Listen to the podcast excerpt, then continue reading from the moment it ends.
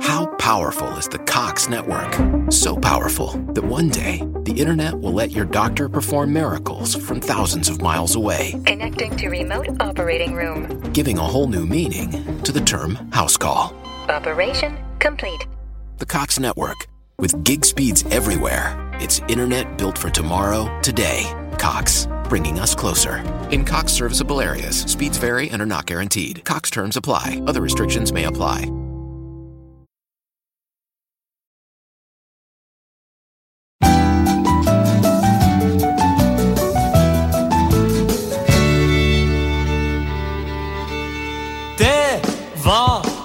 Dans bort i vägen på lördagsnatten. Över nejden gick låten av spelet och skratten. Det var tjo, det var happ, det var hej.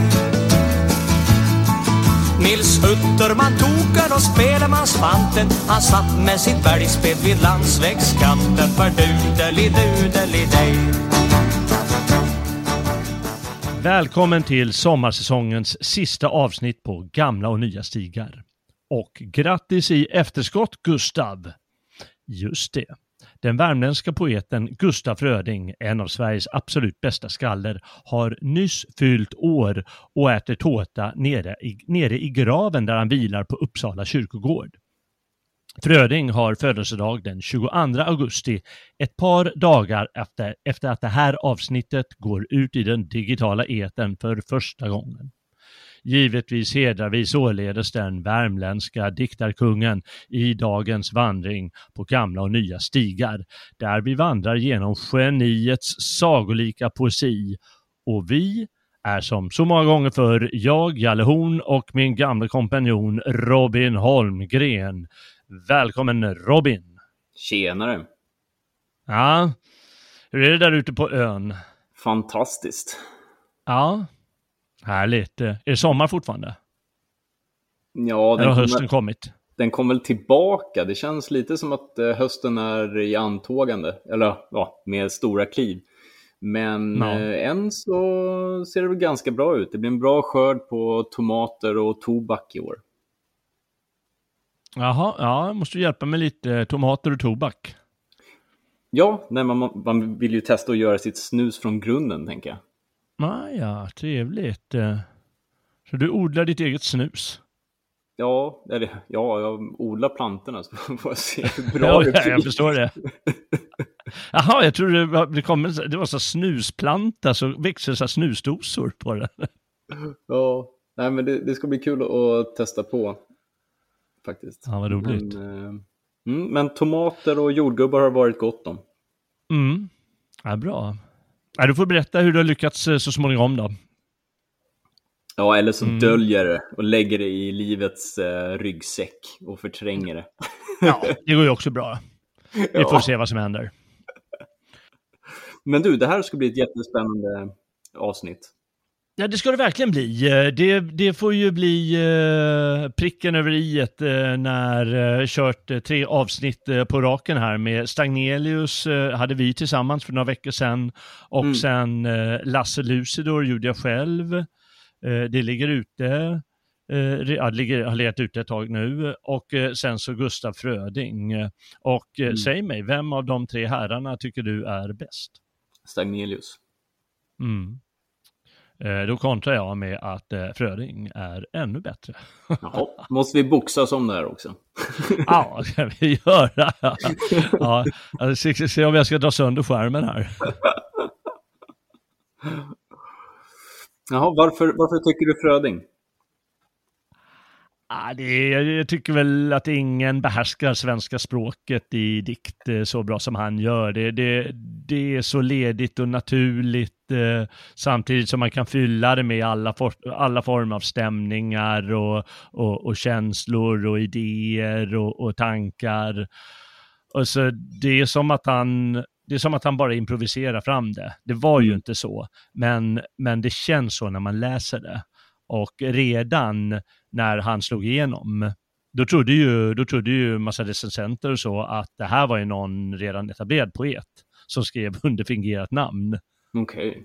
Och det var det ju inte, för de tyckte att men så, så här bra kan ju ingen eh, debutant skriva. Det är Mm. omöjligt. Eh, Och alla var redan överens då att eh, man kan inte skriva poesi på svenska bättre än så här. Ja, det... Och eh, jag är villig att hålla med dem. jag, jag kan till viss del hålla med. Mm. Eh, men han är ju mer av en, ja, som, som jag sa innan, lite mer öl när Stagnelius är ett glas rött. Mm. Det låter vettigt. mm, men han är ju, inte, vissa av hans dikter har han ju skrivit på, eh, alltså på dialekt. Det blir ju Ja, helt ja. knäppt. Just det. Det är ju typ omöjligt att läsa. ja, nej det går. Det går. Han har ju en eh, liten ordlista till det hela som man kan kämpa med. Det behövs väl. Det är ganska bra om man kan lite norska och sådär. Jag ska dra en liten rolig grej om det eh, senare i programmet. Eh.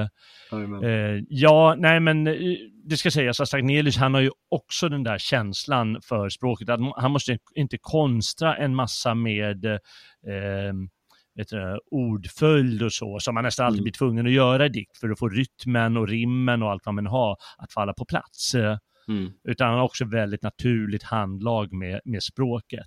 Eh, det är väl bara, ja, jag vet inte, jag är väldigt förtjust i, i, i Fröding. Jag tycker att det, det låter så jäkla fräscht. Eh, vare sig han drar sina Värmlands, eh, Värmlandsdikter eh, på sin eh, dialekt eller ja, bara skriver vilket som helst. Eh.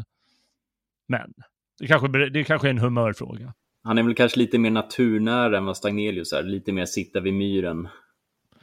Jo, men det blir, man ju, det, det blir han ju förstås. Eh, Stagnelius har, han, han ingår ju i ett sammanhang där, där man helt enkelt skrev lite annorlunda Mm. och eh, höjer upp sig till skyarna lite ibland. Det är sant.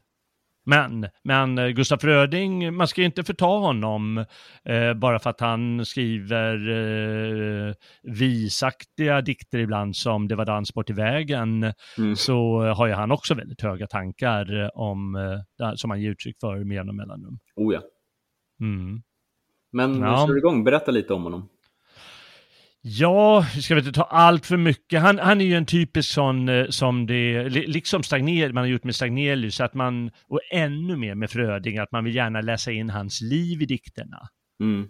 I många dikter, och i viss mån stämmer det ju. Han, han skyler ju inte det så mycket. Eh, eftersom han, han föddes ju i augusti eh, 18, eh, 1860, den 22 augusti alltså. Eh, ett par dagar före vi spelade in det här och ett par dagar efter att det sänds ut. Eh, och båda föräldrarna, de hade ju någon form av eh, eh, sinnesrubbningar, liksom Mm. nervsjuka eller så, vad man kallar det då för tiden. Och han blev ju själv, han var ju flera gånger på sanatorium och han fick ju någon form av eh, schizofreni, tänker man sig, tror jag Mm. eh, som ja, halva, större delen av livet plågade honom med, med de här eh, svåra nervsammanbrotten och eh, allt vad han hade. Och eh, han, han var i Uppsala, där i 20-årsåldern, men det gick ju inte att, han kunde ju inte leva själv på det sättet. Vännerna kom och frågade om de fick låna pengar och gav han dem pengar i stort sett. Han gick ju till glädjeflickor i ett eh, han var ju inte den sorten som kan ragga upp en tjej, liksom, som ska vi gifta oss du och jag, utan det funkar inte, han var ju ogift hela livet, utan han fick ju gå ut till glädjeflickan. Jag tror, någonstans läste jag, läste jag att han anmälde sig till polisen för att han bad glädjeflickorna göra, på den tiden tyckte man så bisarra grejer. Jag vet inte vad han eh, bad om, eh, om att få göra. Eh, Det kanske inte är så så utsvävande för vår, i, i våra dagar vad vi hör och, och ser runt omkring oss. Eh, Nej. Men ja, det var väl lite utsvävningar sådär som han eh, som ägnade sig åt. I brist på annan eh, uppmärksamhet, men han, jag vet inte om han förstod att han var gudabenådad. Han såg ju upp till sådana här som Heidenstam och, åh, nu tappar jag namnet på honom, och andra som, som dels var gamla i gamet i poesin, men dels eh, då nyligen hade slagit igenom, som till exempel Heidenstam. Mm. och eh, beundrar dem. Men egentligen så beundrade jag alla honom när han väl kom igång och eh, och eh, skrev poesi eller gav ut poesi. Och hans första, hans debutantbok gitarr, eller gitarr och dragharmonika, den skrev ju han när han, han satt på sanatorium faktiskt. Eh, och det var ju kanske tur att han hamnade där. Han, han hamnade där år, precis året innan. Mm. Och då så efter det, ja då kunde han skriva den där, lyckades han göra det och så kom den ut 1891 och det blev en jättestor succé. Och eh, ja, det är så bra poetiskt hantverk helt enkelt. Eh, och då kommer han ju in i gänget och han var ju med på olika så här bisarra upptåg som Heidenstam ordnade, du vet med nakenbad på, eh, i Sandhamn och, och hans eh, bisarra bröllop där ute på Blå Jungfrun och du vet på den tiden då var ju poeter, det var ju sin tids kändisar. Ja.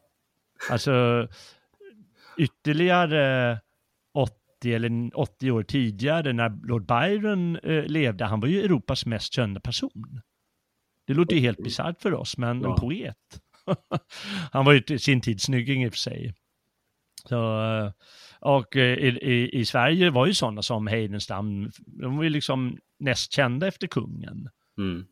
För det skrevs om dem helt enkelt. Bladen vill ju skriva så här smaskiga historier och då skriver de ju sådana där nissar. Ja, och det är ju härligt. Men han var ju egentligen helt bortkommen på de här upptågen som han var med på. För, jag menar, Heidenstam, han kunde ju spela spelet. Mm. Strindberg var egentligen lite lost, men han har ju sånt, eh, sånt agg att han eh, minsann eh, kunde ryta till på sitt sätt. Och Heidenstam, han spelar teater större delen av sitt liv.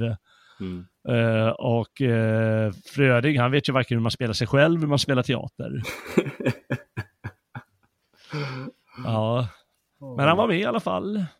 Och sen så åkte han ju på det här hemska åtalet eh, mot eh, dikten En morgondröm 1896 eh, som jag tänkte att vi ska läsa upp eh, mm. om ett tag eh, för osedlighet och eh, alltså de rackar ju ner honom, kritikerna, alltså kända sådana som skrivit litteraturhistoriker och allt möjligt. De gick ju hårt åt det där och sa att ja men ja, man måste du skriva om det en morgontassan ungefär.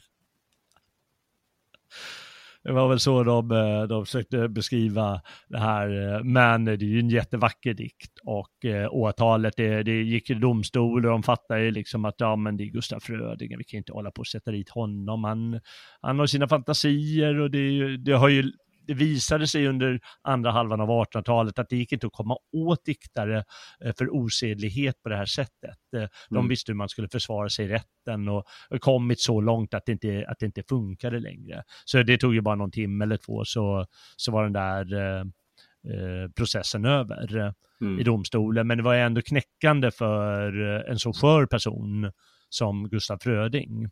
Ja. Mm. Och senare ett par år senare då åkte han ju in på för eh, lång tid på sanatorium i, eller hospital i Uppsala. Så det var väl inget roligt liv han levde på det sättet. Eh, men han får ju trösta sig med att han var en gudanåd, gudabenådad poet och, och, går till världshistorien. Mm. Och jag vågar ju säga att eh, man brukar säga om, alltså, jag har hört många så här litteraturprofessorer, och de säger ja, om, eh, vad heter den där svenska poeten då? 1900-talets största svenska poet, tycker de för Gunnar Ekelöf. Ja, men om Gunnar Ekelöf hade skrivit på franska, då hade han, varit, då hade han liksom tagits upp i alla världens litteraturhistorier. Mm. Eller de kanske säger så om Stagnelius kanske. Och jag är villig att säga så om Gustaf Fröding. Och mitt bevis på det, det är att man i stort sett kan ta hans samlade skrifter, det får ju mm. plats i en volym på en så här 700-800 sidor eller något sånt. Och så kan du välja vilken dikt som helst och läsa den och den är skitbra. Och det tror jag inte är många mm. poeter som uh, håller den standarden i alla fall. Han har ju skrivit väldigt mycket.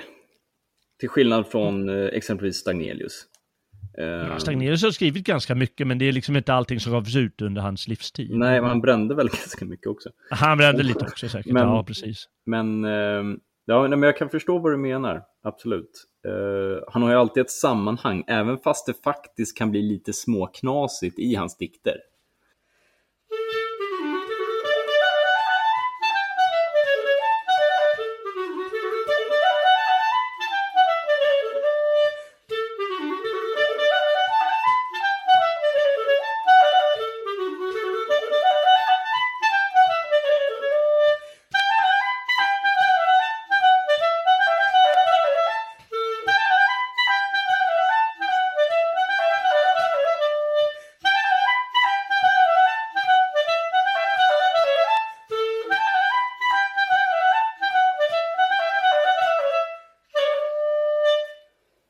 Vi får se när vi läser upp om de håller Ja. Helt enkelt. Man kan ju lägga till att han, eh, han har ju tur liksom eh, i sammanhanget han befinner sig i.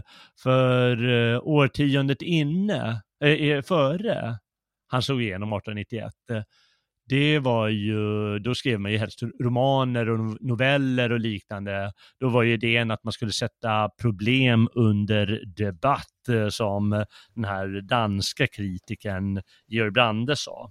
Mm. Man, eh, alltså man, man har skalat, tidigare så kallade realistiska författare, de hade det var trots allt så här spännande historier och det var romanser och så. Och nu skalade man bort allt det. Nu ska man bara inte skildra ett eh, fall, men eh, man ska belysa samhällsproblem och man ska göra det ganska obarmhärtigt eh, Mm. utan en massa krusiduller. Det kan vara en spännande historia eller intressant historia, men det ska liksom inte vara så här romantiskt utsvävande eller något, eh, något fånigt. Eh, och eh, den där sortens samhällslitteratur som vi är inne på 80-talet, eh, det kallar ju Heidenstam och eh, ja, framförallt han som var liksom först ut, som bröt med det där Mm. bland de som blev etablerade författare. Han kallar ju skomakar realism och så här skönt ord. Och eh, så här gråvärdeslitteratur och, och, och så tråkigt skräp. Mm. Utan istället skulle man vara en riktig poet eh, och så skulle, skulle man ägna sig åt skönhet och man ska eh, eh, liksom ägna sig åt fantasin och, och sen så på 90-talet, 1890-talet blev det populärt med hembygden som skulle skildras. Till sk- skillnad från 80-talet, då skrev man gärna ut om stadslivet, eh, Mhm. livet i städerna, för det är där man kan belysa liksom viktiga fall som Mm. händer i samhället. Och man skulle gärna skriva poesi istället för prosa då. Även om Heidenstam skrev romaner och Selma Lagerlöf skrev romaner så var det ändå på något sätt poesin var det är liksom litteraturens eh, eh, högsta nivå tyckte man ungefär. Mm. Om man ska nå riktig skönhet. Och, och så skulle man ta sådana, såna, ska vi kalla det teman eller eh, ett sådant sätt att skriva i alla fall. Och eh, ja, därmed passar ju Gustaf Fröding hand i handske att eh, kunna, att få, ge, kunna få uttrycka sin poesi, får man säga. Mm. Han har ju allt det där, liksom den vackra naturen och han har eh, en massa höga tankar som man kan ge uttryck för i, i poesi. Och han har hembygden, både människorna och naturen i Värmland. Mm. Och eh, ja, så det passar ju honom bra det här sammanhanget med det man kallar på svenska kallar man 90-tals eh, litteratur. I Norge säger man så här nyromantik och det går lite. Symbolism brukar man prata om på kontinenten Okej. och så vidare. Mm. Mm. Ja, det är, det är ju jäkla tur det. Att, eh, dels att han vågade ta sig samman och skriva det här och dels att det liksom passade, så att säga, humöret i landet passade det han gjorde. Ja, vad tur Mm. att han sattes in på sanatorium då. Ja, just det. Ja, det var jäkla tur det. Ja, det är hemskt, men ja, vad ska man säga? Jo, men det kan ju Mm. vara någonting så enkelt som att då, då fick han liksom klarheten och möjligheten att eh, skriva sin eh, första diktsamling. Ja, precis. Han hade ju skrivit lite, han skrivit före, för, innan det, för eh, byrålådan eh, hade han skrivit Mhm. lite kan man säga. Han har översatt lite tror jag innan det. Eh, Men inte liksom menat för publik här och nu fick han ju faktiskt chansen att göra det. Mm. Men jag tänkte jag bara ska ta några rader här. Eh, jag, jag bara tog att just det här, man kan välja vilken dikt som helst. Då såg jag bara upp en, så fick jag upp en som heter Mannen och kvinnan. Och hur han då lyckas, tycker jag, ska hela tiden skapa åskådlighet. Ja, liksom ett ledigt flyt i språket. Och när jag säger det ska man ha klart för sig att han var faktiskt ganska noga. Antagligen skrev han ner en dikt och sen så arbetade han ganska mycket med den Mm. för att få den att eh, ja, få den här sköna känslan. Det rätta svunget eller vad man kan kalla det för. Och så sinnligt och allt vad det är. Ni ska se här. Adam sade till Leva, du leda, du lyssna, hynda, jag gitter i släpa och sträva för dig som lärde mig synda. Förbannelsens frukt har du plockat med dina förbannade händer, till lustar har du lockat med dina nakna länder. Din dejlighet har försänkt mig i låga begär bland djuren. Från eden har du stängt mig, det flammar eld från muren. Och jag tycker i alla fall att när jag läser en sån grej, då får jag liksom han, han lyckas förmedla det man behöver veta på en gång. Ja. Och det är ganska klart det han gör. Mm. Och det, är, det känns enkelt, men det är ändå ganska, ja, han liksom visar den allmänna situationen mellan man och kvinna. Mannen känner sig lurad kanske. Att uh, hon, uh, hon, uh, hon, hon, hon lurar med sina sköna länder va. Ja. Och så får man bara, så är det en armbigga kanske, eller vad som helst. Vålla en problem. Ja, han har, han har i alla fall en, en stor förmåga. Jag upptäckte en gång att han använde ordet och oerhört mycket. Ja, det gör han. Och det är rätt fast det är liksom det enklaste ordet och man brukar säga att det skapar något man kallar paratax, nämligen att man staplar eh, enkla satser på varandra mm. eller enkla ord på varandra. Men han använder det för att göra det enkelt.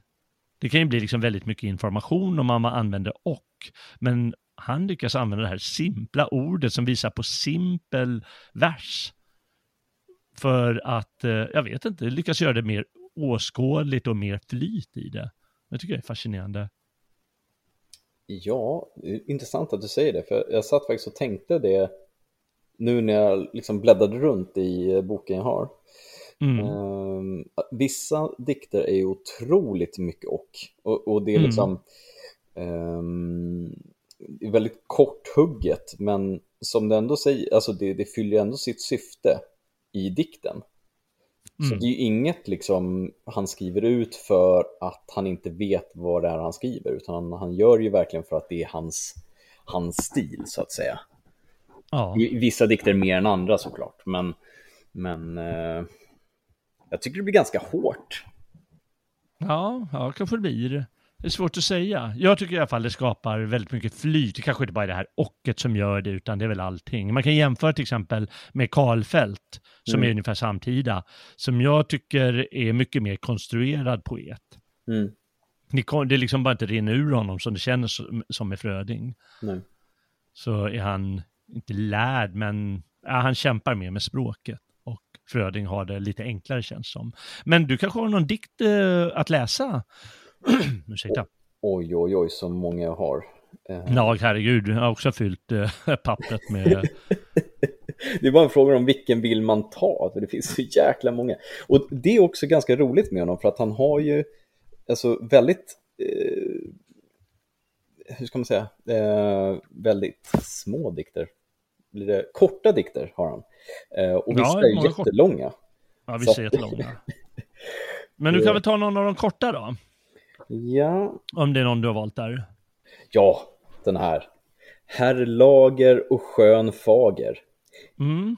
Eller som han skrivit, eller en liten visa om hur ledes kärleken kommer och går. alltså älskar de här små sticken, alltså det är underbart. Eh, skön fager, i scen hur det blomster och blader, skön jungfru, de liljor så ljuvliga stå. Och göken, han galer så nöjder och glader. Herr Lager, herr Lager, i låten mig gå.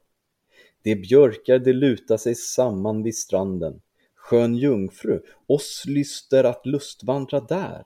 Skön fager och finer, i räcken mig handen. Herr Lager, i gören er intet besvär. Ett gyllene skriv har jag ärvt av min moder, det skolen i äga, skön fager och fin.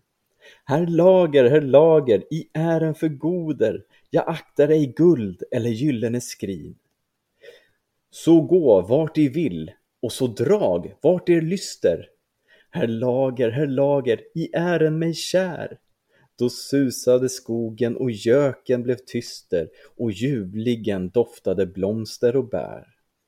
Men nu står det björkar av kvälldag begjutna och skamröder solen som blod eller vin. På ängen vid ån hänga liljorna brutna, vid åbredden gråter sjön fager och fin. Ja. Alltså det är, jag ryser, det är så bra. Ja, man, jag, må, jag, må, jag måste nästan dåligt alltså. Det är, Ja, men det är så hyggligt bra alltså. Eller, för, Ja. Nej, förlåt, jag måste ta en till. Ja. Jag kan bara säga en sak om det här, att här är det är en sorts pastisch på gammal svensk balladstil som man brukar Mm. kalla medeltida ballader. Ja, som, man, som man använder här. Men eh, ja, jag vet inte, det är makalöst tycker jag. Har du hört eh, Inga Lill? Mm. Inga lilla, inga lill, sjung visan för mig. Min själ är så ensam på levnadens stig. Mitt sinne är så ensamt i sorgen. Inga lilla, inga lill, sjung visan för mig. Den klingar mig så lyckosam, så god och tröstelig, så milder i den ödsliga borgen. Inga lilla, inga lill, sjung visan för mig. Mitt halva kungarike, det vill jag giva dig och allt mitt guld och silver i borgen. Min kärlek är mitt silver och guld i min borg. Mitt halva kungarike är hälften av min sorg. Säg, inga lilla, räds du för sorgen? Jag kan ju bara fortsätta liksom sida upp och sida ner. Det, för att nästa är ju en fattig munk från Skara och den är ju fantastisk. Ja, det bara fortsätter och fortsätter. Ja. Det är verkligen, det är, jag tycker det är sanslöst. Jag, ska lägga till där lite med det som eh, vi hade som inledningsmusik här. Mm. Den, eh, den kända eh, Sven-Ingvars eh, kända variant av Det var dans bort i vägen. Mm. Eh, Det är ju en sång som är skriven redan på Frödings tid, eh, eh, kring år 1900, ja, av någon dam, jag kommer inte ihåg vad hon hette nu. Eh, Men den tonsattes då av henne. mm. Och sen vet jag inte hur ofta den har sjungits och så innan Sven-Ingvar eh, tog tag i den. Eh, jag ska se vad den är bara här.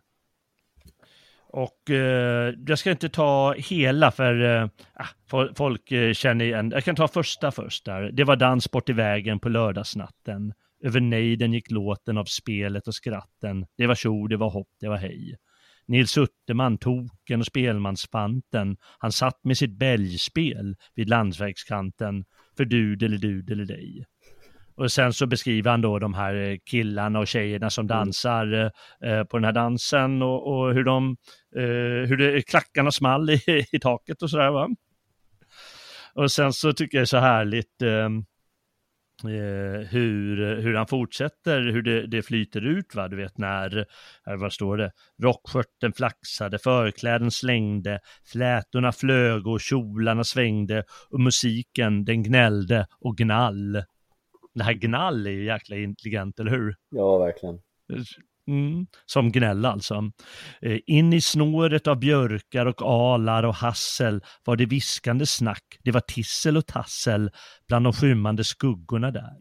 Det var ras, det var lek över stockar och stenar. Det var kutter och smek under lummiga grenar. Vill du ha mig så har du mig här. Där längtar man efter en, en härlig Värmlandstös. Jajamän. Över bygden låg tindrande stjärnfager natten. Det låg glimtande sken över skvalpande vatten i den lövskogsbekransade sjön. Det kom doft ifrån klöven på blommande vallar och från kådiga kottar på granar och tallar som beskuggade kullarnas krön. Liksom de här lukterna och vyerna man ser framför sig. Alltså, otroligt bra. Och så slutet. Och en räv stämde in i den lustiga låten och en uv skrek oho ifrån brynbärsbråten och de märkte, de hörde det dig. Jag vet inte, det är väl de som ligger där under, under videgranen eller något sånt. Men uhu hördes ekot i Getbergets skria och till svar på Nils Uttermans dudelidia kom det dudelidudelidig. Det var dans bort i vägen på lördagsnatten Över nejden gick låten av spelet och skratten Det var tjo, det var hopp, det var hej Nils Utterman, token och spelemansfanten Han satt med sitt bärgspel vid landsvägskanten För du-deli-du-deli-du. Alltså det är så fantastiskt skrivet alltså. Men det där är ju en sak som går igen i, i flera dikter. Det här hans eh, trallande Mm. I poesiform. Jag vet i, vad heter den då? Ett gammalt bergstroll tror jag dikten heter. Mm. Eh, då, då, då, går, då avslutas ju versen med hum hum. Ja, just det. Ja. Eh, det där är någonting som jag inte har sett hos någon annan diktare faktiskt. Eh, just den här förmågan att, att trudelutta sig fram. Så Ja, pass bra att det, alltid liksom, det passar alltid in. Och det känns Ja. aldrig konstlat. Just det. Ja, det är verkligen fascinerande hur man, hur man, hur man kan använda de, de ska säga, elementen när man, när man bygger upp en dikt eh, som Mm. ska kanske vara lite högstämd eller så, tycker alla. Och den, eh, han använder det bergatrollet på flera ställen. Ofta är det liksom lite Folk har ju läst in, ja det är Gustaf Fröding själv som har svårt att nå ut eh, och då är han som ett gammalt bergatroll. Och eh, då är det ju att han tar, ikläder sig olika roller med, som liksom problematiska roller för Ja. en själv. Och den har ju liksom det här, den här allvarliga tonen med bergatrollet just som har svårt att, eh, vänta om man fångar någon flicka i den och så kramar man sönder den typ. Ja. Ja, oj, oj, oj. Mm. Så det är liksom en, eh, ska jag säga, stämningsfull dikt, men ändå kan han ha de där små elementen, trallandet som du säger. Bellman Ja, hade nog älskat Fröding. Ja, det har han nog gjort. Eh, Och Bellman, han, han, han skrev ju musik, så det är klart att hans, hans poesi måste ju vara trallande också. Mm. Han har nog älskat, eh, eh, älskat Fröding och sagt, här behövs det ingen musik till. Nej, det blir bara en tonsättning i alla fall. Ja. Men han har ju dikter som jag tycker är väldigt bra, där han vill, menar, han, han har ju ett stort problem, han vill ju vara öppen. Han är ju liksom, det är väldigt mycket att eh, han vill ju, han, han, kanske nudist. Han vill ju gå naken, många dikter handlar ju om det. Inte att jag vill gå naken, men jag vill liksom kasta ifrån mig den här skulden och skammen som vi har på oss. Eh, jag läste en jättebra artikel för många år sedan av, jag tror det var någon, någon ung högerman, det känns lite så. Han skrev om Fröding och, och Nietzsche, men jag hittade inte den där, eh, var någonstans på internet, eh, tyckte jag var jättebra. Och det är ju en nietzscheansk grej det där, att man eh, måste liksom släppa den där gamla bisarra moralen, bygga ny moral. Ja, han, Och det skrev, var inne på den här tiden. han skrev ju en dikt som handlar om eh, Zarathustra, så att Ja, precis ja. Varför inte? Eh, och jag tycker många av de där är, är bra. Fröding själv kom inte in i det för mycket, liksom som de här Wennerbom-dikten eller Bergatrollsdikten. Om suputen i Värmland eller den här Bergatrollet som har svårt med flickorna eh, och så, utan eh, där är liksom den här idén eh, lite mer undangömd i dikten. Du kan ta den, hur vi sa, vi tar en syn eller en flik av framtiden. eller båda. Vi kan ha båda. Ja, just det. Bra, bra sagt. en syn, den handlar ju om djävulen. Den säger, helvetet såg jag öppet ligga, stämmor hörde jag stöna och tigga om en droppe vatten. Stämmor hörde jag stöna och stamma, hest i lågor som vita flamma mot den eviga natten. Blickar såg jag kvalfullt irra efter hopplös tröst och stirra i förtvivlans kamp. Anleten såg jag hemska själva, bröst jag såg av ångest välva, säger Kramp. Då reste sig en av de pinade, hans drag vore djävulens drag, förvridna, förstörda, förtvinade, med spår av ett stolt behag. Det flög som ett sken över dragen, det var liksom åter dagen lyst in i hans skuggade själ och bådat ett nyfött väl. Han sade, det är ju vi själva som slipar vårt pinostål, som elden och marterna välva omkring vårt eget bål. Men låt dem oss själva förlåta oss, så vara vi marterna loss och låt dem oss alltid sträva och låt dem oss aldrig gräva i gammal synd och skam, men blott se fram. Och lågorna slocknade sakta kring djävulens gestalt och skönt det var att betrakta hur ljus det blev i allt, hur ärkeängelns pannas valv blev åter vitt och klart och hur hans läpp av lycka skalv och smålog underbart. Det gick genom allt som en salig fläkt och helvetet var släckt. Ja, det är så jävla bra. Alltså. Ja, det är jäkligt bra. Ja. Och det är ju liksom en dröm vi har alla egentligen, för men alla människor är ju någonstans lite, han, liksom inte hundra procent sociala. Mm. Och många av oss stänger in oss lite mer eller vågar inte säga det här, vad problemet är. Mm. Och skäms för det. Och eh, då, då, då visar han liksom hur, hur, hur man kan göra det i den här dikten, tycker jag är häftigt. Och där tycker jag också du, du visade hur, hur bra det blir när han använder ordet och som första ordet i meningen. Mm. Ja, det är... Jag tycker det är bra det där. Vi kommer säkert återkomma till ett par sådana eh, dikter allt eftersom. Men han har ju alla möjliga sorters, eh, ska jag säga, saker han vill förmedla. Mm. Det är ju bara en, de där grubblerierna och de där svårigheten att, att nå ut. Eh, Han har ju rena kärleksdikter också. Den mest kända är ju eh, eh, Det borde varit stjärnor. Det tror jag är den mest kända av hans kärleksdikter. dikter. Har du den nära eller? För den har inte jag läst. Nej, men den heter i alla fall Det borde varit stjärnor. Eh, Men så såg jag att du hade en annan verk, tycker jag kan kallas en kärleksdikt, som heter En vårfästmö. Den hade du på din lista tror jag. Jajamän. Och den kanske vi kan höra. Det här är också det bästa insticket. en vårfest med. Om jag hade haft någon. det är så jävla bra. Åh, jag älskar den här typen av humor. Alltså. Det. Ja, han, han har ju en särskild humor. Vi, vi kommer komma in på det också. Ja. Mm. Då ska vi se. Det var den glans av solen en majdagsmorgon giver. Om hennes bara hår ett vårens vaj i kjolen. Av törnroshäck som kliver och vit syren som går. Och hon var het om kinden av gången och av vinden. Och badet som hon fått sig av kalk och lut i grannars kik ut i glugg och dörr. Och blyg men ändå trotsig och rödare än annars och vackrare än förr. Och ögats järva gnista bar bud om allt det varma som spränger alla band när alla knoppar brista och alla bäckar larma i kvinnosjälens land. Det var som hela våren med lärkorna i täten och sipporna i spåren och snabb och glad i fjäten drog ut att fånga mig och kysste mig och lade sitt bröst mot mitt och sade Håll av mig, var när mig och ta mig och bär mig nu strax hem till dig. Mm.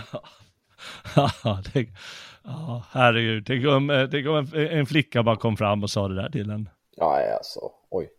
Ja, Ja, med, med hela den här grejen att liksom när i våren, just den här tjejen, allting drar ihop sig i henne. De här naturvyerna eller bilderna som du återgav bara lyser fram i henne. Men det är, det är ju inte bara den här kvinnan som han, som han skriver om, utan det är ju själva som våren med, med stort Mm. V liksom. Ja, ja, det också ja. Som är så, den är, den är så fängslande. Mm. Och, och på något sätt så fångar han ju, med den här dikten så fångar han ju hela svenskens beteende när våren kommer. Ja, Alltså- hela vads beteende? Svenskens beteende när våren Ja, just kommer. det. Ja, verkligen. Ja, det har du rätt i. Ja, det är ju helt särskilt eh, svensken. Han blir ju helt bisarr när våren kommer. Ja, Jag vet inte om jag sa det i radion här med dig Noah, men jag kommer ihåg att det var, jag tittade ut, det såg jag folk gå, eh, när, det var när jag bodde i Stockholm, då bodde, bodde jag längs vattnet. Eh, och då gick de där längs eh, Riddarfjärden. Och, eh, aha, ja, går med sin t-shirt eh, och sådär. Och så tittade jag på eh, termometern och det var ju bara så 10-12 grader, men solen sken. Nej, det ska bara ut och avnjutas och bara känna liksom hur våren bara spränger alla band.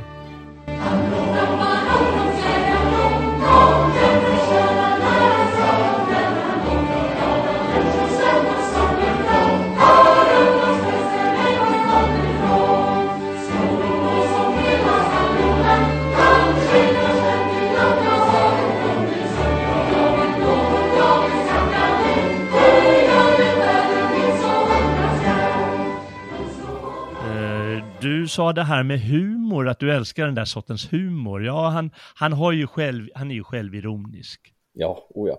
Och det är ju så förlösande. Ja. För det finns ju inget värre än motsatsen. En människa som inte har lite självironi.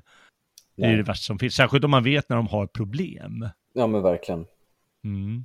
Medan de som man vet eh, har lite problem och eh, har förmågan att kasta ut sig ett skämt och där riktat lite mot sig själv. Mm. Det, det tycker jag är väldigt förlösande och det, det får mig lite av eh, det du sa där i början, om jag hade någon. Ja.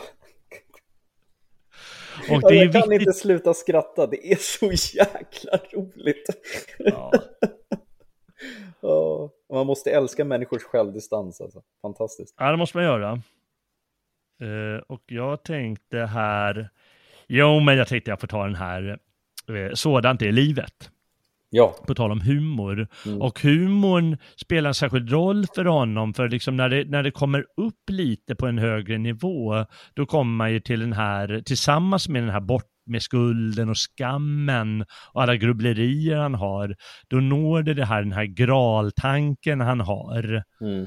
att eh, det finns liksom någon sorts eh, förlåtande drag i tillvaron som försonar allting. ja, Och då, då har den här humorn och, och det självironiska, och så, det är en särskild, eh, särskild del där i. mm. Det finns ju de som har läst ut en liksom, hel liten filosofi i hans eh, dikt och det, det kanske är lite, blir lite överdrivet för det blir när man försöker göra för mycket av det. Mm. Men, men man, man, man känner av det där många gånger. Det här är en sån här eh, riktigt ja, humoristisk dikt, eller vad man ska kalla det för, som går så här. Och haren han sitter och äter blåbär och tänker förnöjt, och det är gott det här. Då kommer en räv ur en buske och tarn och tänker förnöjt, gudskelov att jag har en, och sätter sig ner till att spisa. Det är harens visa. Och räven han slickar sig glad om sin trut och går att spatsera i skogen ut. Då möter en jägare, jägaren skjuten. Då glor han, då gnor han, då tjuten, då dör han. Då gör han i dön ett språng. Det är rävens sång. Och jägaren han blistrar så stoltelig och tänker nu haver jag rogat mig. Med, men hemma, där pysslar hans kärringkropp med vitt i hans kaffe kopp. Så dricken, så dör han av kaffe sikoria. Det är jägarens historia. helt, helt giftig. Har tröttnat på gubben. ja. Alltså, jag, jag satt innan och tänkte, ska jag ta med den här? För den är så Ja. rolig. Alltså, Ja, det va? Då var det en vårfest, vårfest med istället. Ja. Nej, det är ju inte dumt. Det heller... Eh, nej, det, är- det är ju speciellt allt. Och han har ju humorn med, med, med språket också. Mm. Och jag tänkte, du, du sa det här med Värmlandsdialekten tidigare. Ja. Och, eh, ska vi se om jag har den dikten där. Nej, han har skrivit en hel, eh, antingen, eh, om det är en avdelning av en diktsamling eller om det är en egen diktsamling eh, eh, på värmländska då. Och det är ganska roligt det där. Den heter Regler och passager, undrar om det är den. Ja, just det. Och där finns det en dikt som heter Dumt, eller Dumt folk. Det är ju väl lite grann. Och så här var det att eh, jag tänkte på den eh, en gång efter att jag varit i, i Norge. Mhm. Och eh, uppe i eh, Nordnorge, i Tromsø-trakten, Mm. eller Nordlandet, eh, där säger de inte jag för jag, utan de säger de bara ä. Nej, vad jobbigt. Ja, ja, ja kanske det. Är ganska klart nordnorskan, så det är inte svårt att förstå. Det, jag heter Nils, är. Ja, jag heter Nils jag. Ja, det kan ju låta jobbigt kan man tycka. Och eh, då finns det liksom, om man antingen har hört någon journalist eller någon historia som någon drar ihop där, att någon träffar det här, ett barn som går i ettan Mm. och frågar honom, eh, vilken klass är du i? Och då säger barnet, Ä, Ä, A. Det vill säga, jag är i A, 1A. Och då frågar han, jaha, ja, och eh, frågar han barnet bredvid, och du då? Och då svarar barnet, Ä, Ä, A, Ä, A. Och det betyder, jag är i A, jag också. Och då är det bara de här vokalerna. Och det där använder, eh, inte just det, utan samma sak, samma fenomen använder eh, Fröding i den här eh, lilla berättelsen som heter Dumt folk. Och eh, då, då eh, jag kan inte dra till, han, säger, han berättar här i, tax, han säger, ah, och gud bevars för dumt folk. Jag, jag kan inte värmländska, men jag gör mitt bästa här.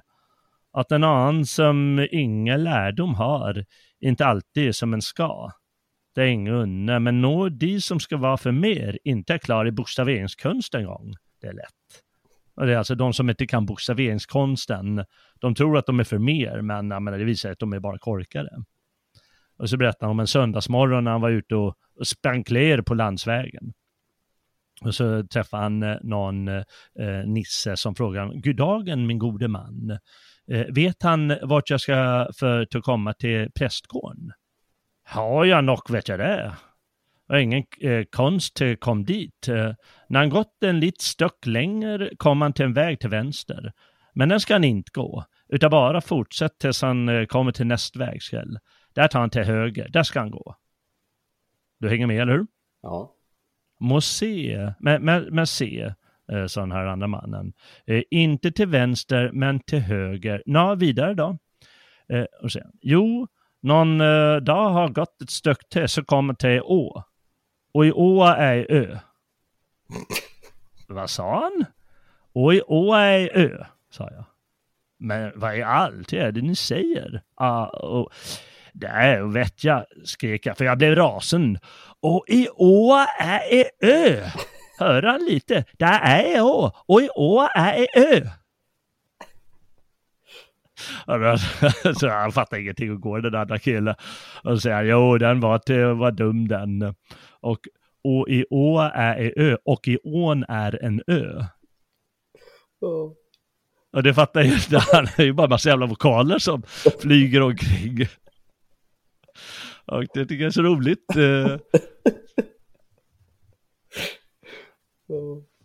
Jag har, jag mötte på någon, eh, kommer ihåg, jag stötte på någon sån här norrlänning, jag kommer inte ihåg i vilket landskap. Jag fattar inte vad han sa. Alltså. Men vad är det han frågar? Nej, kanske, kanske var det han frågade, något liknande. Ja, det. Ja, ja. Ja, det, det gäller att kunna språket och förstå hur man ska kunna använda det till det ena och det andra och det tredje för att det ska ge effekter. Och man kan ju inte säga att han är dålig på det. Nej. Nu ska vi se. Ska, vi, ska du värma upp vår ariska vandring lite här? Oh. Ja. Du har ju en dikt som heter En Arius hustruvisa. Jajamän. Och den är inte så lång tror jag. Jag har då den här långa, En morgondröm, som jag tänkte att vi ändå måste läsa upp eftersom han blev ju åtalad för den och vad är det som gör den så snuskig? Men, men du först. Ja, nu ser jag här att en Ariers vårvisa är ju strax ovanför den här. Men, ja. Ja, du får välja vad du vill. Mm. Åh, mm. Nej, jag har ju skrivit en Ariers hustruvisa så jag Ja. tar den. Ta det. Min hustrus lockar mjuka, det är och mitt behag. Mig gjorda till att bruka, till ögonlust var dag. Min hustrus ögon klara behaga mig och väl. Mig gjorda att bevara, en själ, äh, eh, besvara, med själ min egen själ. Min hustrus läppar fina, det räcka fram en god och ädel dryck till mina, därav jag dricker mod. Och gjut mig är och ljuva min unga hustrus bröst, den livets ädla druva, min son till mat och tröst. och som ett vårregn bliver till fröjd för landets mark, min hustrus famntag giver mig vällust ljuv och stark. Mm. Och det är någonting, för, någonting att skriva ner på en liten post-it-lapp till era damer. Ja, precis. Och säga, titta vad jag har författat åt dig. nej, nej, så gör man inte. Så gör man inte. Det finns nog en och annan som har gjort det i historien, ska jag gissa. Ja, jo, garanterat. Ja.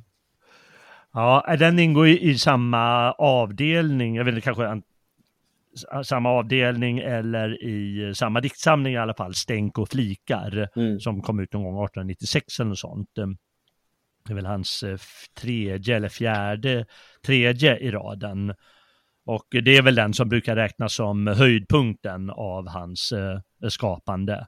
Men som sagt, för min del spelar ingen roll om man tar hans första dikt eller hans sista dikt eller de i mitten, de är liksom alla lika bra. Mm. Men då blev han som sagt åtalad för eh, dikten En morgondröm i den. Eh, för osedlighet, för att det var så snuskigt, det som stod. Usch! Sånt gillar vi ju inte. Eh, och det passar ju bra i det här forumet eh, tycker jag, för ja, den eh, handlar om följande. Jag såg och jag drömde, jag ska säga också att den är ganska lång, va? den är så på en eh, fem, fem, sex sidor. Så det, det, det tar eh, några minuter att läsa den. Men den går i alla fall så här. Jag sov och jag drömde om Ariens land, där solguden tömde med givmild hand kring allt överallt i en lycklig ängd, som sedan vulkaniskt vart bränd och sprängd, sitt liv, sina håvors mängd. Jag drömde om aplar i mäktiga hag kring urskogens väldiga vattendrag, om körsbärsdungar och vinbärssnår kring floden som enslig i dälden går, om vete som själv sått ur jorden stiger i ödemarksdalen där allting tiger. Om humle som klänger och slingrar sig fram i skogens tystnad från stam till stam och ängar sig breda kring bäckars fall, där herdarna leda sin jord i vall, när kvällen sin dagg över landet strör. Vid lidren med byttor till mjölk och smör står väntande hustrur och mör. Och mannen är stark och kvinnan vek, och ungdomen yster och vig i lek. Ett naket folk, för stolt för ok, för rent för dräkternas sjökodok, men skymtade stundom bland flickornas flockar ett mångfärgat kläde om höfter och lockar. Det är för att göra sig särskilt grann och vacker och kär för en älskad man. Vid viken, vid kröken som älven slår, den stigande röken ur källen går, där syssla i ro med de yngsta små, som lipa och le där de tulta och gå, de gamla, de silvergrå. Men högt på en klippa i frihet och ljus och högt över töcknen är konungens hus. På vidden och branterna runt omkring vid midsommartid tid hålles folkets ting. Och konungen dömer från domarestolen och tänker för folket och talar med solen och solen sår ner sina gudomsvar om allt som ska bliva och är och var. Där strövar i skogen en fri ung man och ingen är fri ung man som han. Hans blod är en störtsjö i vårstormstider. Hans trots önskar strider och allt vill han fresta och allt han kan. Den säkraste brottan och måttan han prövar med näven och lansen och kysser när rastar i dansen de vackraste flickornas fritt, vackraste flickorna fritt i vredgade friares mitt. Jag såg i min dröm hur hans gång var glad, hur allt när han strövade muntert och stad bar skick av en fri ung man. Hur hemlighetsfullt det om läpparna log, som visste han nog att gudarnas ättling och älskling och like var han. Han strövar med glättiga fjät framåt på skogens vilda stråt. Han stannar och ler åt små kryp som måtta och tån med ett nyp. Han jäckas med gökar, han retas med trastar, han följer för ros skull ett spår På hällen han vilar, vid kärnet han rastar, att se på en fisk som slår. Han faller på knä invid randen och ligger och dricker ur handen. Jag såg i min dröm hur hans blick blev klar, hans glä av glädje åt bilden så vattnet bar. Den visade gudarnas ättling, hur manvuxet vacker han var. Fina fötter, nätta små, kliva långt och slugt på tå, än de skynda, än de väja, knätt och kny för ljud och speja, om ej någon hörde små, fina, nätta fötter gå. Kny och knätt nu le och lura, glada ögon bak en stam, och en flickas axlar kura sig ihop som rädda lamm, och försiktigt, förtänksam smyger han, hon sig fram. Och med ett som en vind stryker flickans arm över jägarens kind och har täckt honom ögonen till och hon ler åt sin fånge, haha och hihi. Han kan inte bli fri, han må sträva så mycket han vill. Stackars dum och egenkär där, kan du gissa vem det här är? Och hon kniper och drar och hon rycker och slår för att fram, frampressa svar och att skrämma den älskade rädd. Och hon plågar och pinar hans rygg med sitt ben, men den pinan är len som ett smek på en kärleksbädd. Blint han kämpar att bli lös, trevar, gissar. Nyp och klösa ditt namn och udd och sticka. Riv och rygg och släpp mig flicka. Och med ett med ett skratt blev han fri, sprang han upp, fick han flickan fatt och han drog henne tätt mot sin mun för att kyssa sig men munnen mätt. Och hon klängde sig fast och hon snyftade till och i gråt hon brast och hon sökte hans blick och en glimt av hans innersta själ hon fick. Och som knoppen av ariens ros en vår sin, sina skylande blad från pistillerna slår inför sol, inför vindar och frön låg hon naket och utslaget skön och med vittskilda knän och med skälvande sköte var den älskades åtrå i möte. Själ i flamma, blod i dans. Han var hennes, hon var hans. Han blev hon, hon blev han ett och allt och tvenne, när hans unga makt av man trängde in i henne.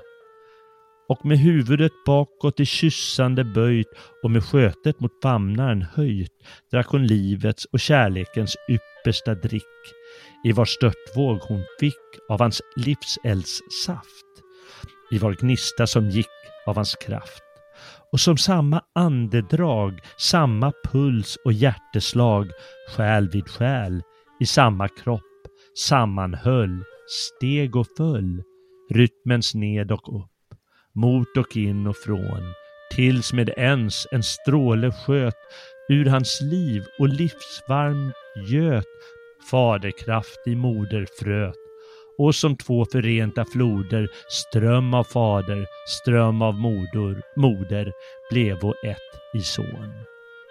Och som hjärtblad i en blomsterskida helt förenta nyss när skidan brast, än vid sömnen hålla troget fast, höft vid höft och sida in vid sida.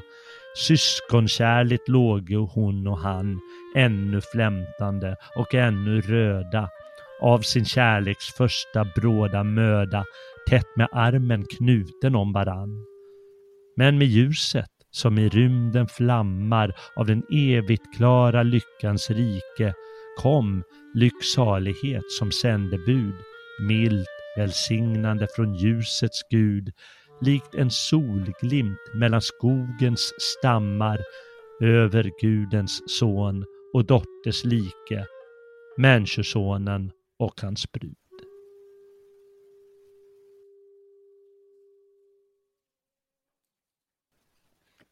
Och så tog det slut. Så det är det vackraste som har skrivits om älskog alltså. Ja, det får man ändå säga. Ja. Och så hade de mage att eh, processa om det. Ja, vilka kräk. ja. Ja. Ja, det var skönt att han, att det, jag tänkte, kunde ju blivit, eh, kunde ju drivit ut och, och eh, inte låtit publiken läsa, dragit in boken. Ja, alltså Ja, det, den är ju inte ens snuskig. Utan alltså den är ju bara genuint vacker. Ja, ja, ja, nej, det är klart man kan ju säga att det är snuskigt om man menar trängde in i henne, hej och hå. Men, eh, ja. Nej, jag, jag tycker det är vackert. Eh, Det är oerhört vackert. eh. Ja. Och det visar ju att han kan skriva både vackert i, här, i sinnlighetens eh, högsta form, samtidigt som han målar upp en hel liten historia och hur, hur, hur, hur, hur, man, hur, hur tjejen, de retas och tetas med, med killen och är perfekta på det. Och, och mannen, han eh, till slut liksom med lite kraft eh, tar åt den och det är hela det här spelet mellan man och kvinna Mm. i en vacker liten saga. Så ja, man kan ju inte klaga på, på skönheten och, och stämningen och, och så i det. Nej, verkligen. Så är det när man är bäst, eh, bäst i sitt gebit. eh. Bäst och bäst, ja. Ja, alltså han är ju otroligt duktig. Ja, ja, det, det, alltså, om vi tar återigen till eh, Stagnelius där. Han behärskade ju också en stor mängd eh, sådana klassiska, framförallt klassiska eh, versmått. Mm. behärskade han till fulländning. Mm. Eh, och sen givetvis eh, vanliga, kanske inte de klassiska versmåtten, utan lite vanlig dikt eh, också, som man tycker känns lite vanligare. Eh, och eh, visst, det är ju det de har gemensamt, att de liksom behärskar språkformen så bra. Mm. Och sen kanske det är en, en, en smaksak vilken sorts känsla man vill ha på dikten. Men de är så olika typer av poeter. Ja, Så helt det olika. det Så som- det är liksom att, att jämföra natt och dag. Ja, ja men verkligen. Ehm, Ja, men båda två är ju undersköna. Natten kan ju, en sommarnatt är ju otroligt vacker. Mm. Samma sak med en dag. Eh, det är bara att de är olika, så ja. ja, varför jämföra? Eller hur? När man bara kan njuta av eh, vårt folks storslagna poeter genom historien. Ja, det är ju det. Och jag säger det en gång till. Hade Fröding skrivit det här på tyska så hade han räknats som en av Tysklands största poeter. Ja, ja. Det går ju inte att sticka under stolen med. Mm. Och det måste du bevisa nu eh, med en annan dikt. Ja, en, en liten en. I ungdomen. Det glittrar så gnistrande vackert i ån. Det kvittrar så lustigt i furen. Här ligger jag lat som en bortskämd son i knät på min moder naturen. Det sjunger och doftar och lyser och ler från jorden och himlen och allt jag ser. Det är som om vinden ett budskap mig bär om lyckliga dagar som randas. Mitt blod är i oro, jag tror jag är kär. I vem? Ack, i allt som andas. Jag ville att himlens och jordens allt låg tätt vid mitt hjärta i flickgestalt.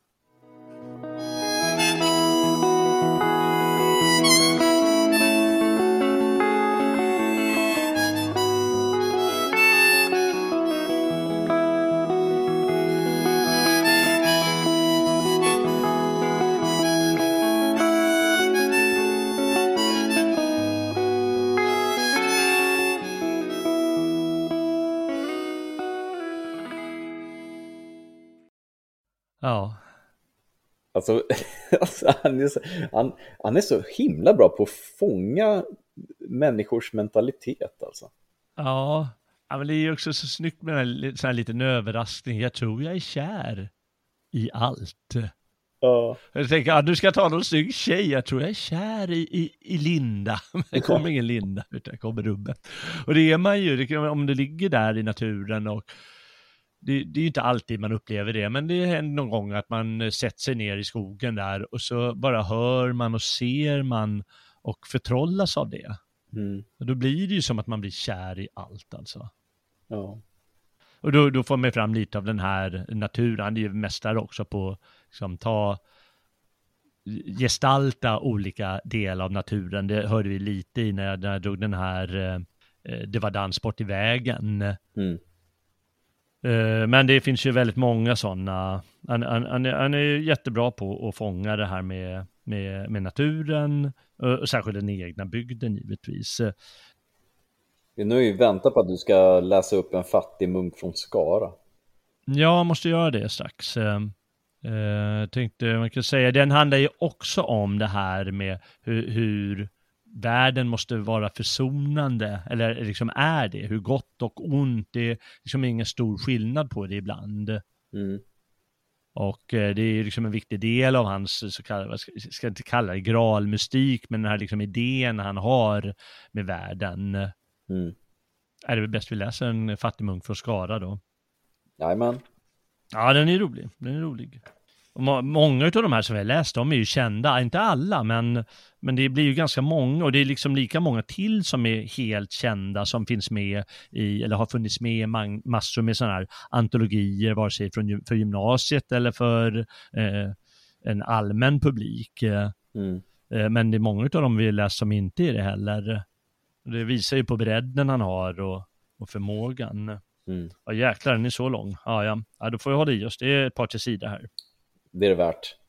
Det är det värt. Ja, det är verkligen värt. Mitt liv är i nedan och klent nu mitt verk. Jag fattige, olärde, bortrymde klärk. En bortlupen broder bara, fördömd av kapitlet i Skara. Nu är jag en gammal och böjder man, åt den onde given av kyrkans bann för dråp och trilska och kätteri och av kungen förklarad för fågelfri. Alltsedan Lasse kanik jag slog, de hava mig jagat som ulven i skog. Det enda de funnit till rätta, det var min munkehätta. Jag var väl en dålig och genstörtig munk. Jag tog väl törhända för mången en klunk i lön ur herr Abbatis tunna och syndade svårt med en nunna.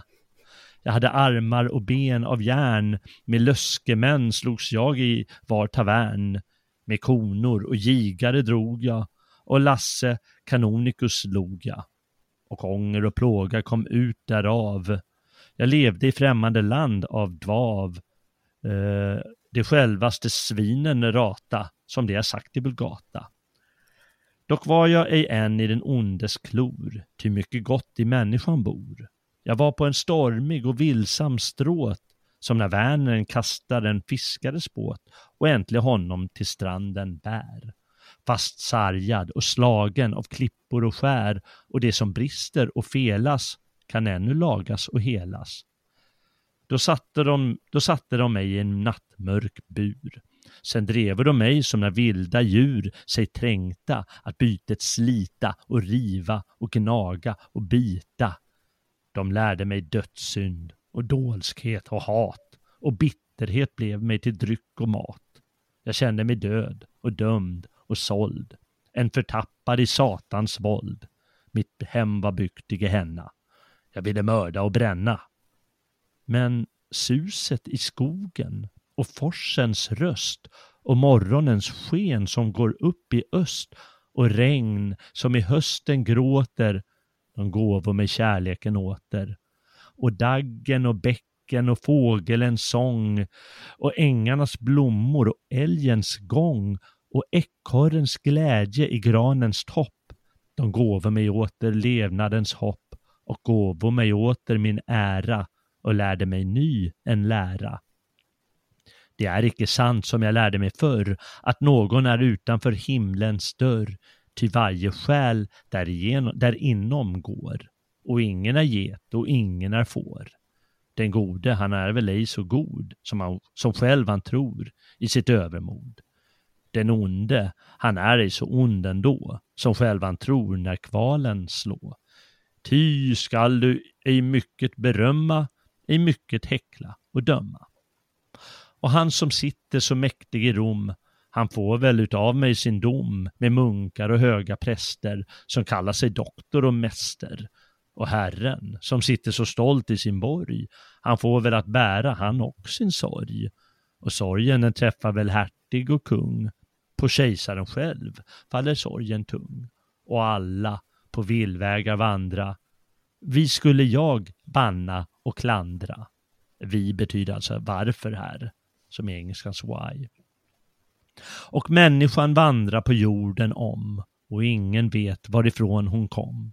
Och ingen vet vart leden bär och ingen vet vad livet är. Men fram genom långliga strider det dagas väl bättre tider, då ingen är ond och ingen är god. men bröder som kämpa i ondskans flod och räcka varandra handen att hjälpa fram till stranden. Om världen och min ära tog och ensam jag i mörkan skog och aldrig ska bättre tider nå, så vill jag ej sörja och klaga ändå. Till fågeln flyger så glad mot sky och solen går upp var morgon ny och björken om vårarna knoppas, vi skulle då jag ej hoppas. Tör hända, när tusende år har gått, som skyar hän över kojor och slott, det drager i skogen en, en ryttare fram och binder sin häst vid björkens stam och gläntar på dörren och tittar in på torftigheten i hålan min. Och då får han se mitt fattiga pränt med vildpinna skrivet på pergament. Då säger han, se, han visste han vad nu är känt av varje man men kostat så långan, långan strid på jorden i långan, långan tid. Och ändå var han bara en fattig munk från Skara. Mm. Och det är ju, det är ju Fröding själv. Ja? Som skriver de visaste orden. Ja, Fast han bra. bara är en, en, en stackare där från Värmland. Och har problem med alla delar av livet. Ja, alltså mm. den är... Mm. Jag tycker det är så fängslande också hur han beskriver den här människan. Eh, hur han han har begått en massa misstag och sådär men han är väl bara fast i en, en, negativ spiral och så tittar han ut i skogen och bara njuter mm. och, och, hittar sig ja. själv igen. Det är, det, är, det är så svenskt. Ja, det är verkligen svenskt. Ja, men det är ju det. Du har helt rätt, det är verkligen svenskt. Jag vet ju inte hur, hur, hur de andra folken gör, men det är verkligen som du säger att eh, vi finner tillbaka till oss själva när vi, när vi ser eh, björken knoppas där eller mm. solen gå upp över, över vattnet. Eh, eller eh, hör den där fågeln, fågeln sjunga där och rör oss där i skogen eller skogsbrynet eller vad det kan vara. Mm. Ja, Nej, du har helt rätt. Det är, det är verkligen fascinerande. Han är mästare på att gestalta det också. Han är verkligen ja, verkligen. väldigt svenskt, väldigt, väldigt svenskt. Och det tror jag att jag skrivit någon gång, att eh, han, han behärskar egentligen allt det här som, det var inte så att han var inspirerad av eh, hans samtida, låt oss kalla de här symbolisterna, eh, Baudelaire och Verlaine och vad de hette på kontinenten, utan det var ju tidigare poeter han, han formades av. Mm. Men han skriver nästan som dem ibland. Men han gör det så jäkla svenskt. Ja. ja. Ja. Ja, så är han ju svensk också. Precis. Ja, det är han. Det är så bra. Ja, det är det. Det är det. Och han, han, men han experimenterar lite eh, ibland, så här, mot slutet av sitt liv i, eh, i en, eh, vad heter det, i en liten del av en diktsamling som man kallar Mattoidens sånger, tror jag. Mm. Och matto eller något sånt betyder galen på italienska. Mm till exempel. Och det är liksom bara väldigt korta rader. Uh, ett grönt blad på marken här. Grönt, gott, friskt, skönt, vått, rik luftmark, djupt stark, rik saft, stor kraft, friskt, skönt, grönt. Det räcker, det fångar det där, det där lite. Ja. ja. Eller, eller eh, vargsången här. När aftonrodnadsskenet rött försvann i kvällens skar ett tjut. Hu var, hu, var är kött?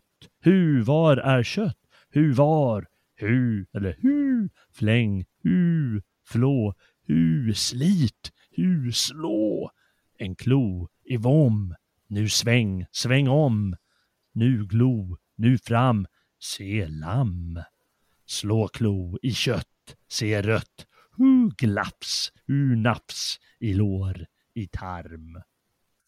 Ja, det är varje sång. Ja, det var långt ifrån harens det. Ja, det gör det. Ja. Nej, jag tycker väl att han klarade mesta, den gode Fröding. Det får man verkligen tacka honom för.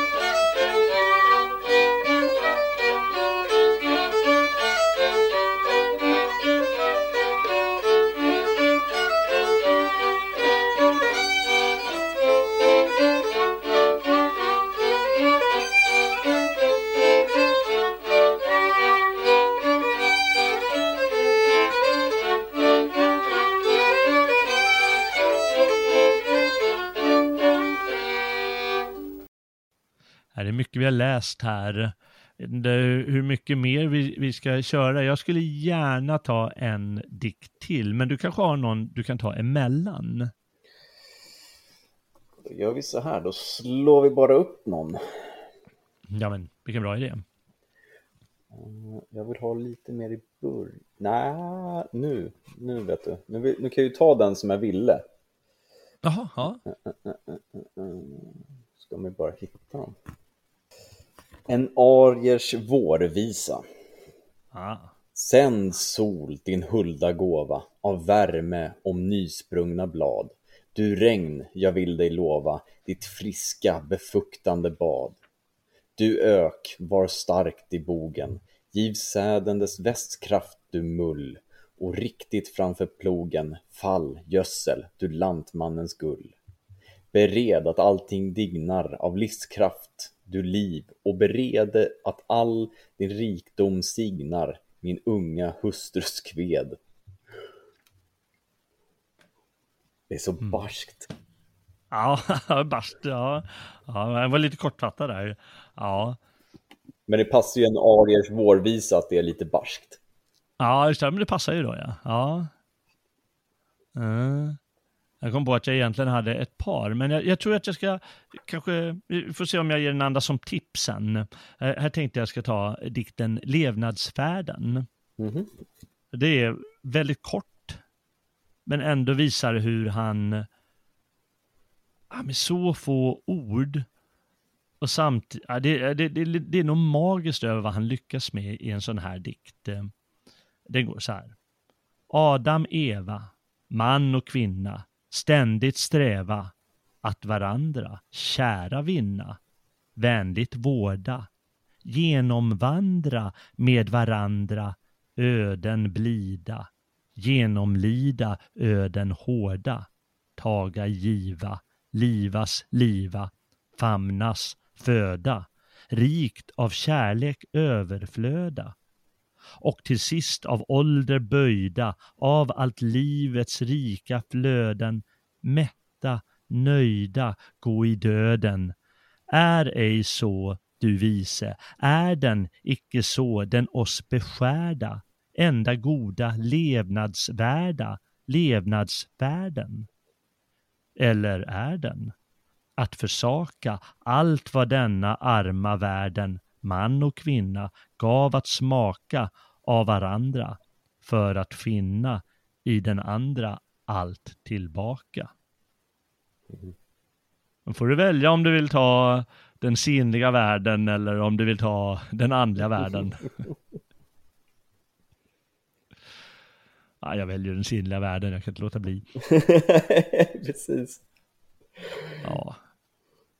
Men, eh, men jag tycker den här förmågan att med liksom så, inte få ord, det är ganska mycket, men ändå liksom beskriva, känna av också man och kvinna, hur de lever genom hela livet, både glädje och sorg och allt vad det heter. Hans ord är så påhittiga. Alltså Ja. han får ju ut varenda, varenda millimeter av orden får han ju in så perfekt liksom. Verkligen bra sagt. Han får ut maximalt, eh, utan att det blir jobbigt. Ja.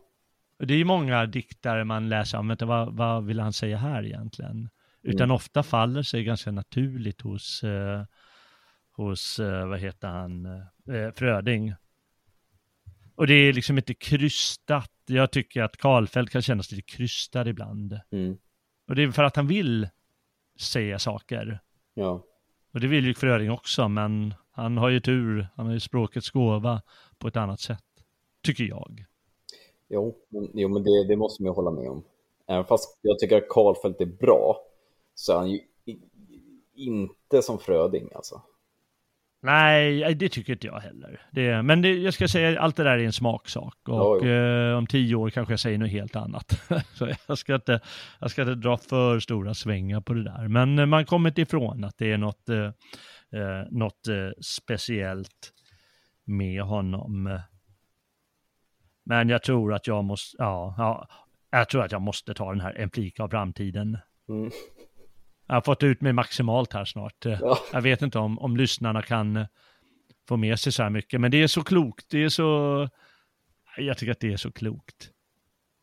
Ska vi ta den också, Ja, men det är väl klart. innan vi lägger på? Ja, kör.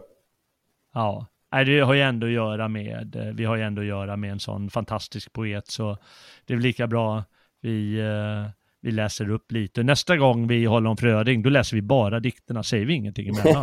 Precis. Nej, en flik av framtiden. Håll i öronen nu, eller spetsa öronen eller vad man nu säger. Den går så här. Solen går mot Eden. Eden är den stjärna dit den ljusa leden solens vandring för. Jorden följer gärna solens gång i spåren. Se, nu valkas våren.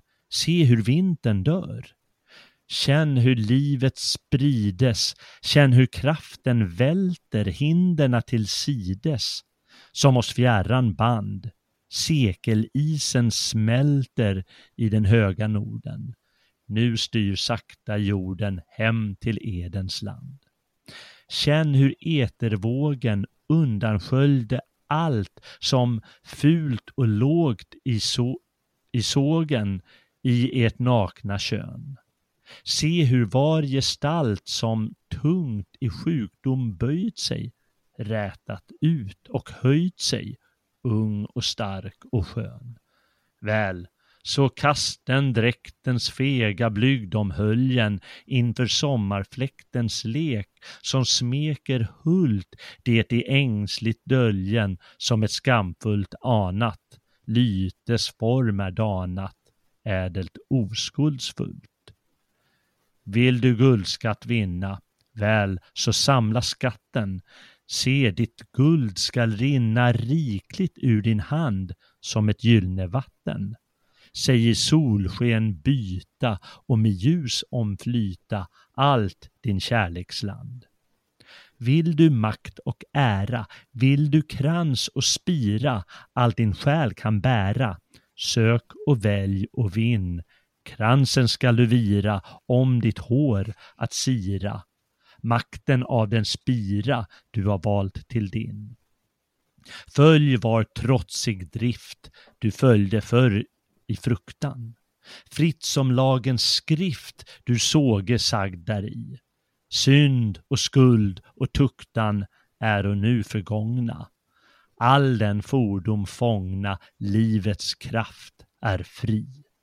Varje dryck i mulen fordomstid du njutit som en glädje stulen från en pliktens dag när en lag du brutit att en lycka fånga. Drick den ut i långa, djupa, fulla drag. Mm.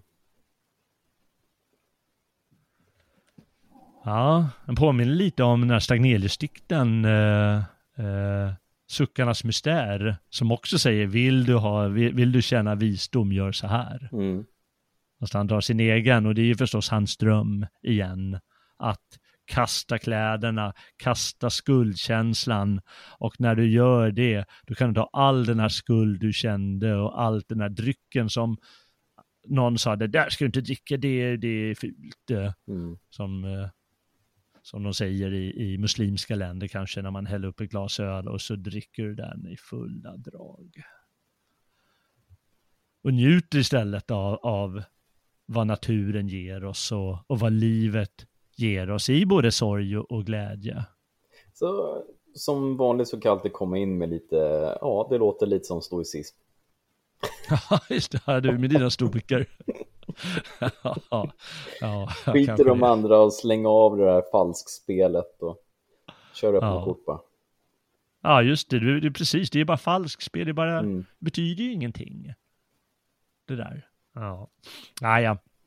Det är Frödings dröm och han är mästare på att uttrycka det och jag tycker att det är många kloka ord också samtidigt som det är väldigt vackert många gånger. Jajamän. Ja. Ja, det blev ett diktspäckat program det här. Ja, som sig mm. bör när det handlar om Fröding, tänker jag. ja, just det. Ja. Det ska ju vara på det sättet, precis som du säger.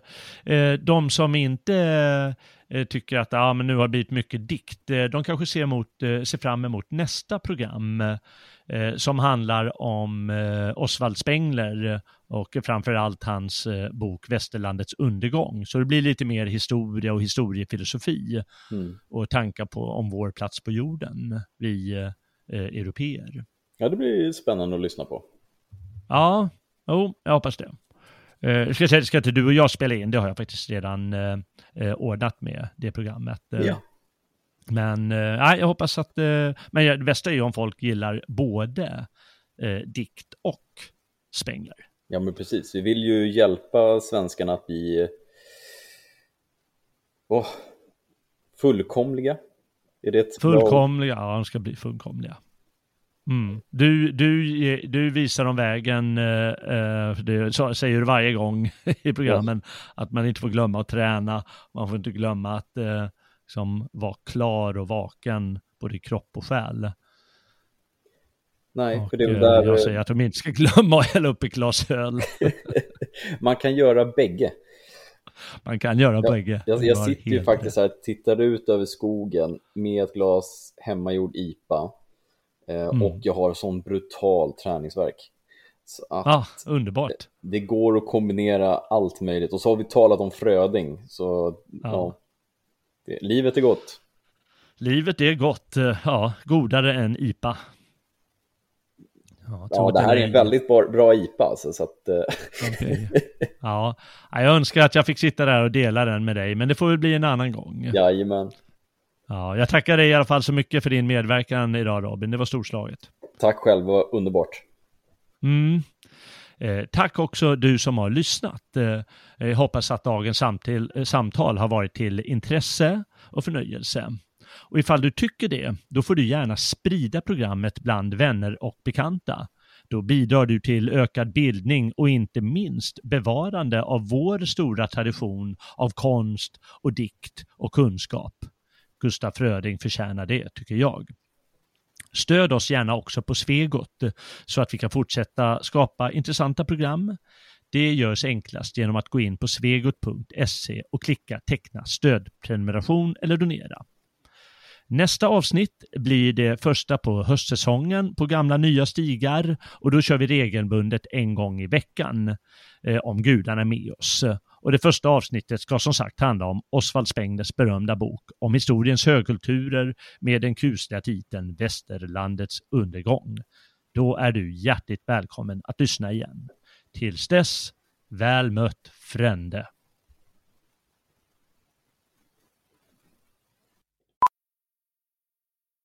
How powerful is the Cox network? So powerful that one day the internet will let your doctor perform miracles from thousands of miles away. Connecting to remote operating room. Giving a whole new meaning to the term house call. Operation complete. The Cox network with gig speeds everywhere. It's internet built for tomorrow, today. Cox, bringing us closer. In Cox serviceable areas, speeds vary and are not guaranteed. Cox terms apply. Other restrictions may apply. A little focus goes a long way, and a whole lot of focus, well, that puts you light years ahead of the competition. That's why at Vernon, they only focus on heating and cooling. And as the heating and cooling specialists, they're great at it especially after 43 years. Get your AC ready for summer with Vernon's $69 spring tune up. You heard right, only $69. Go to VernonHeating.com. Vernon, the heating and cooling specialists.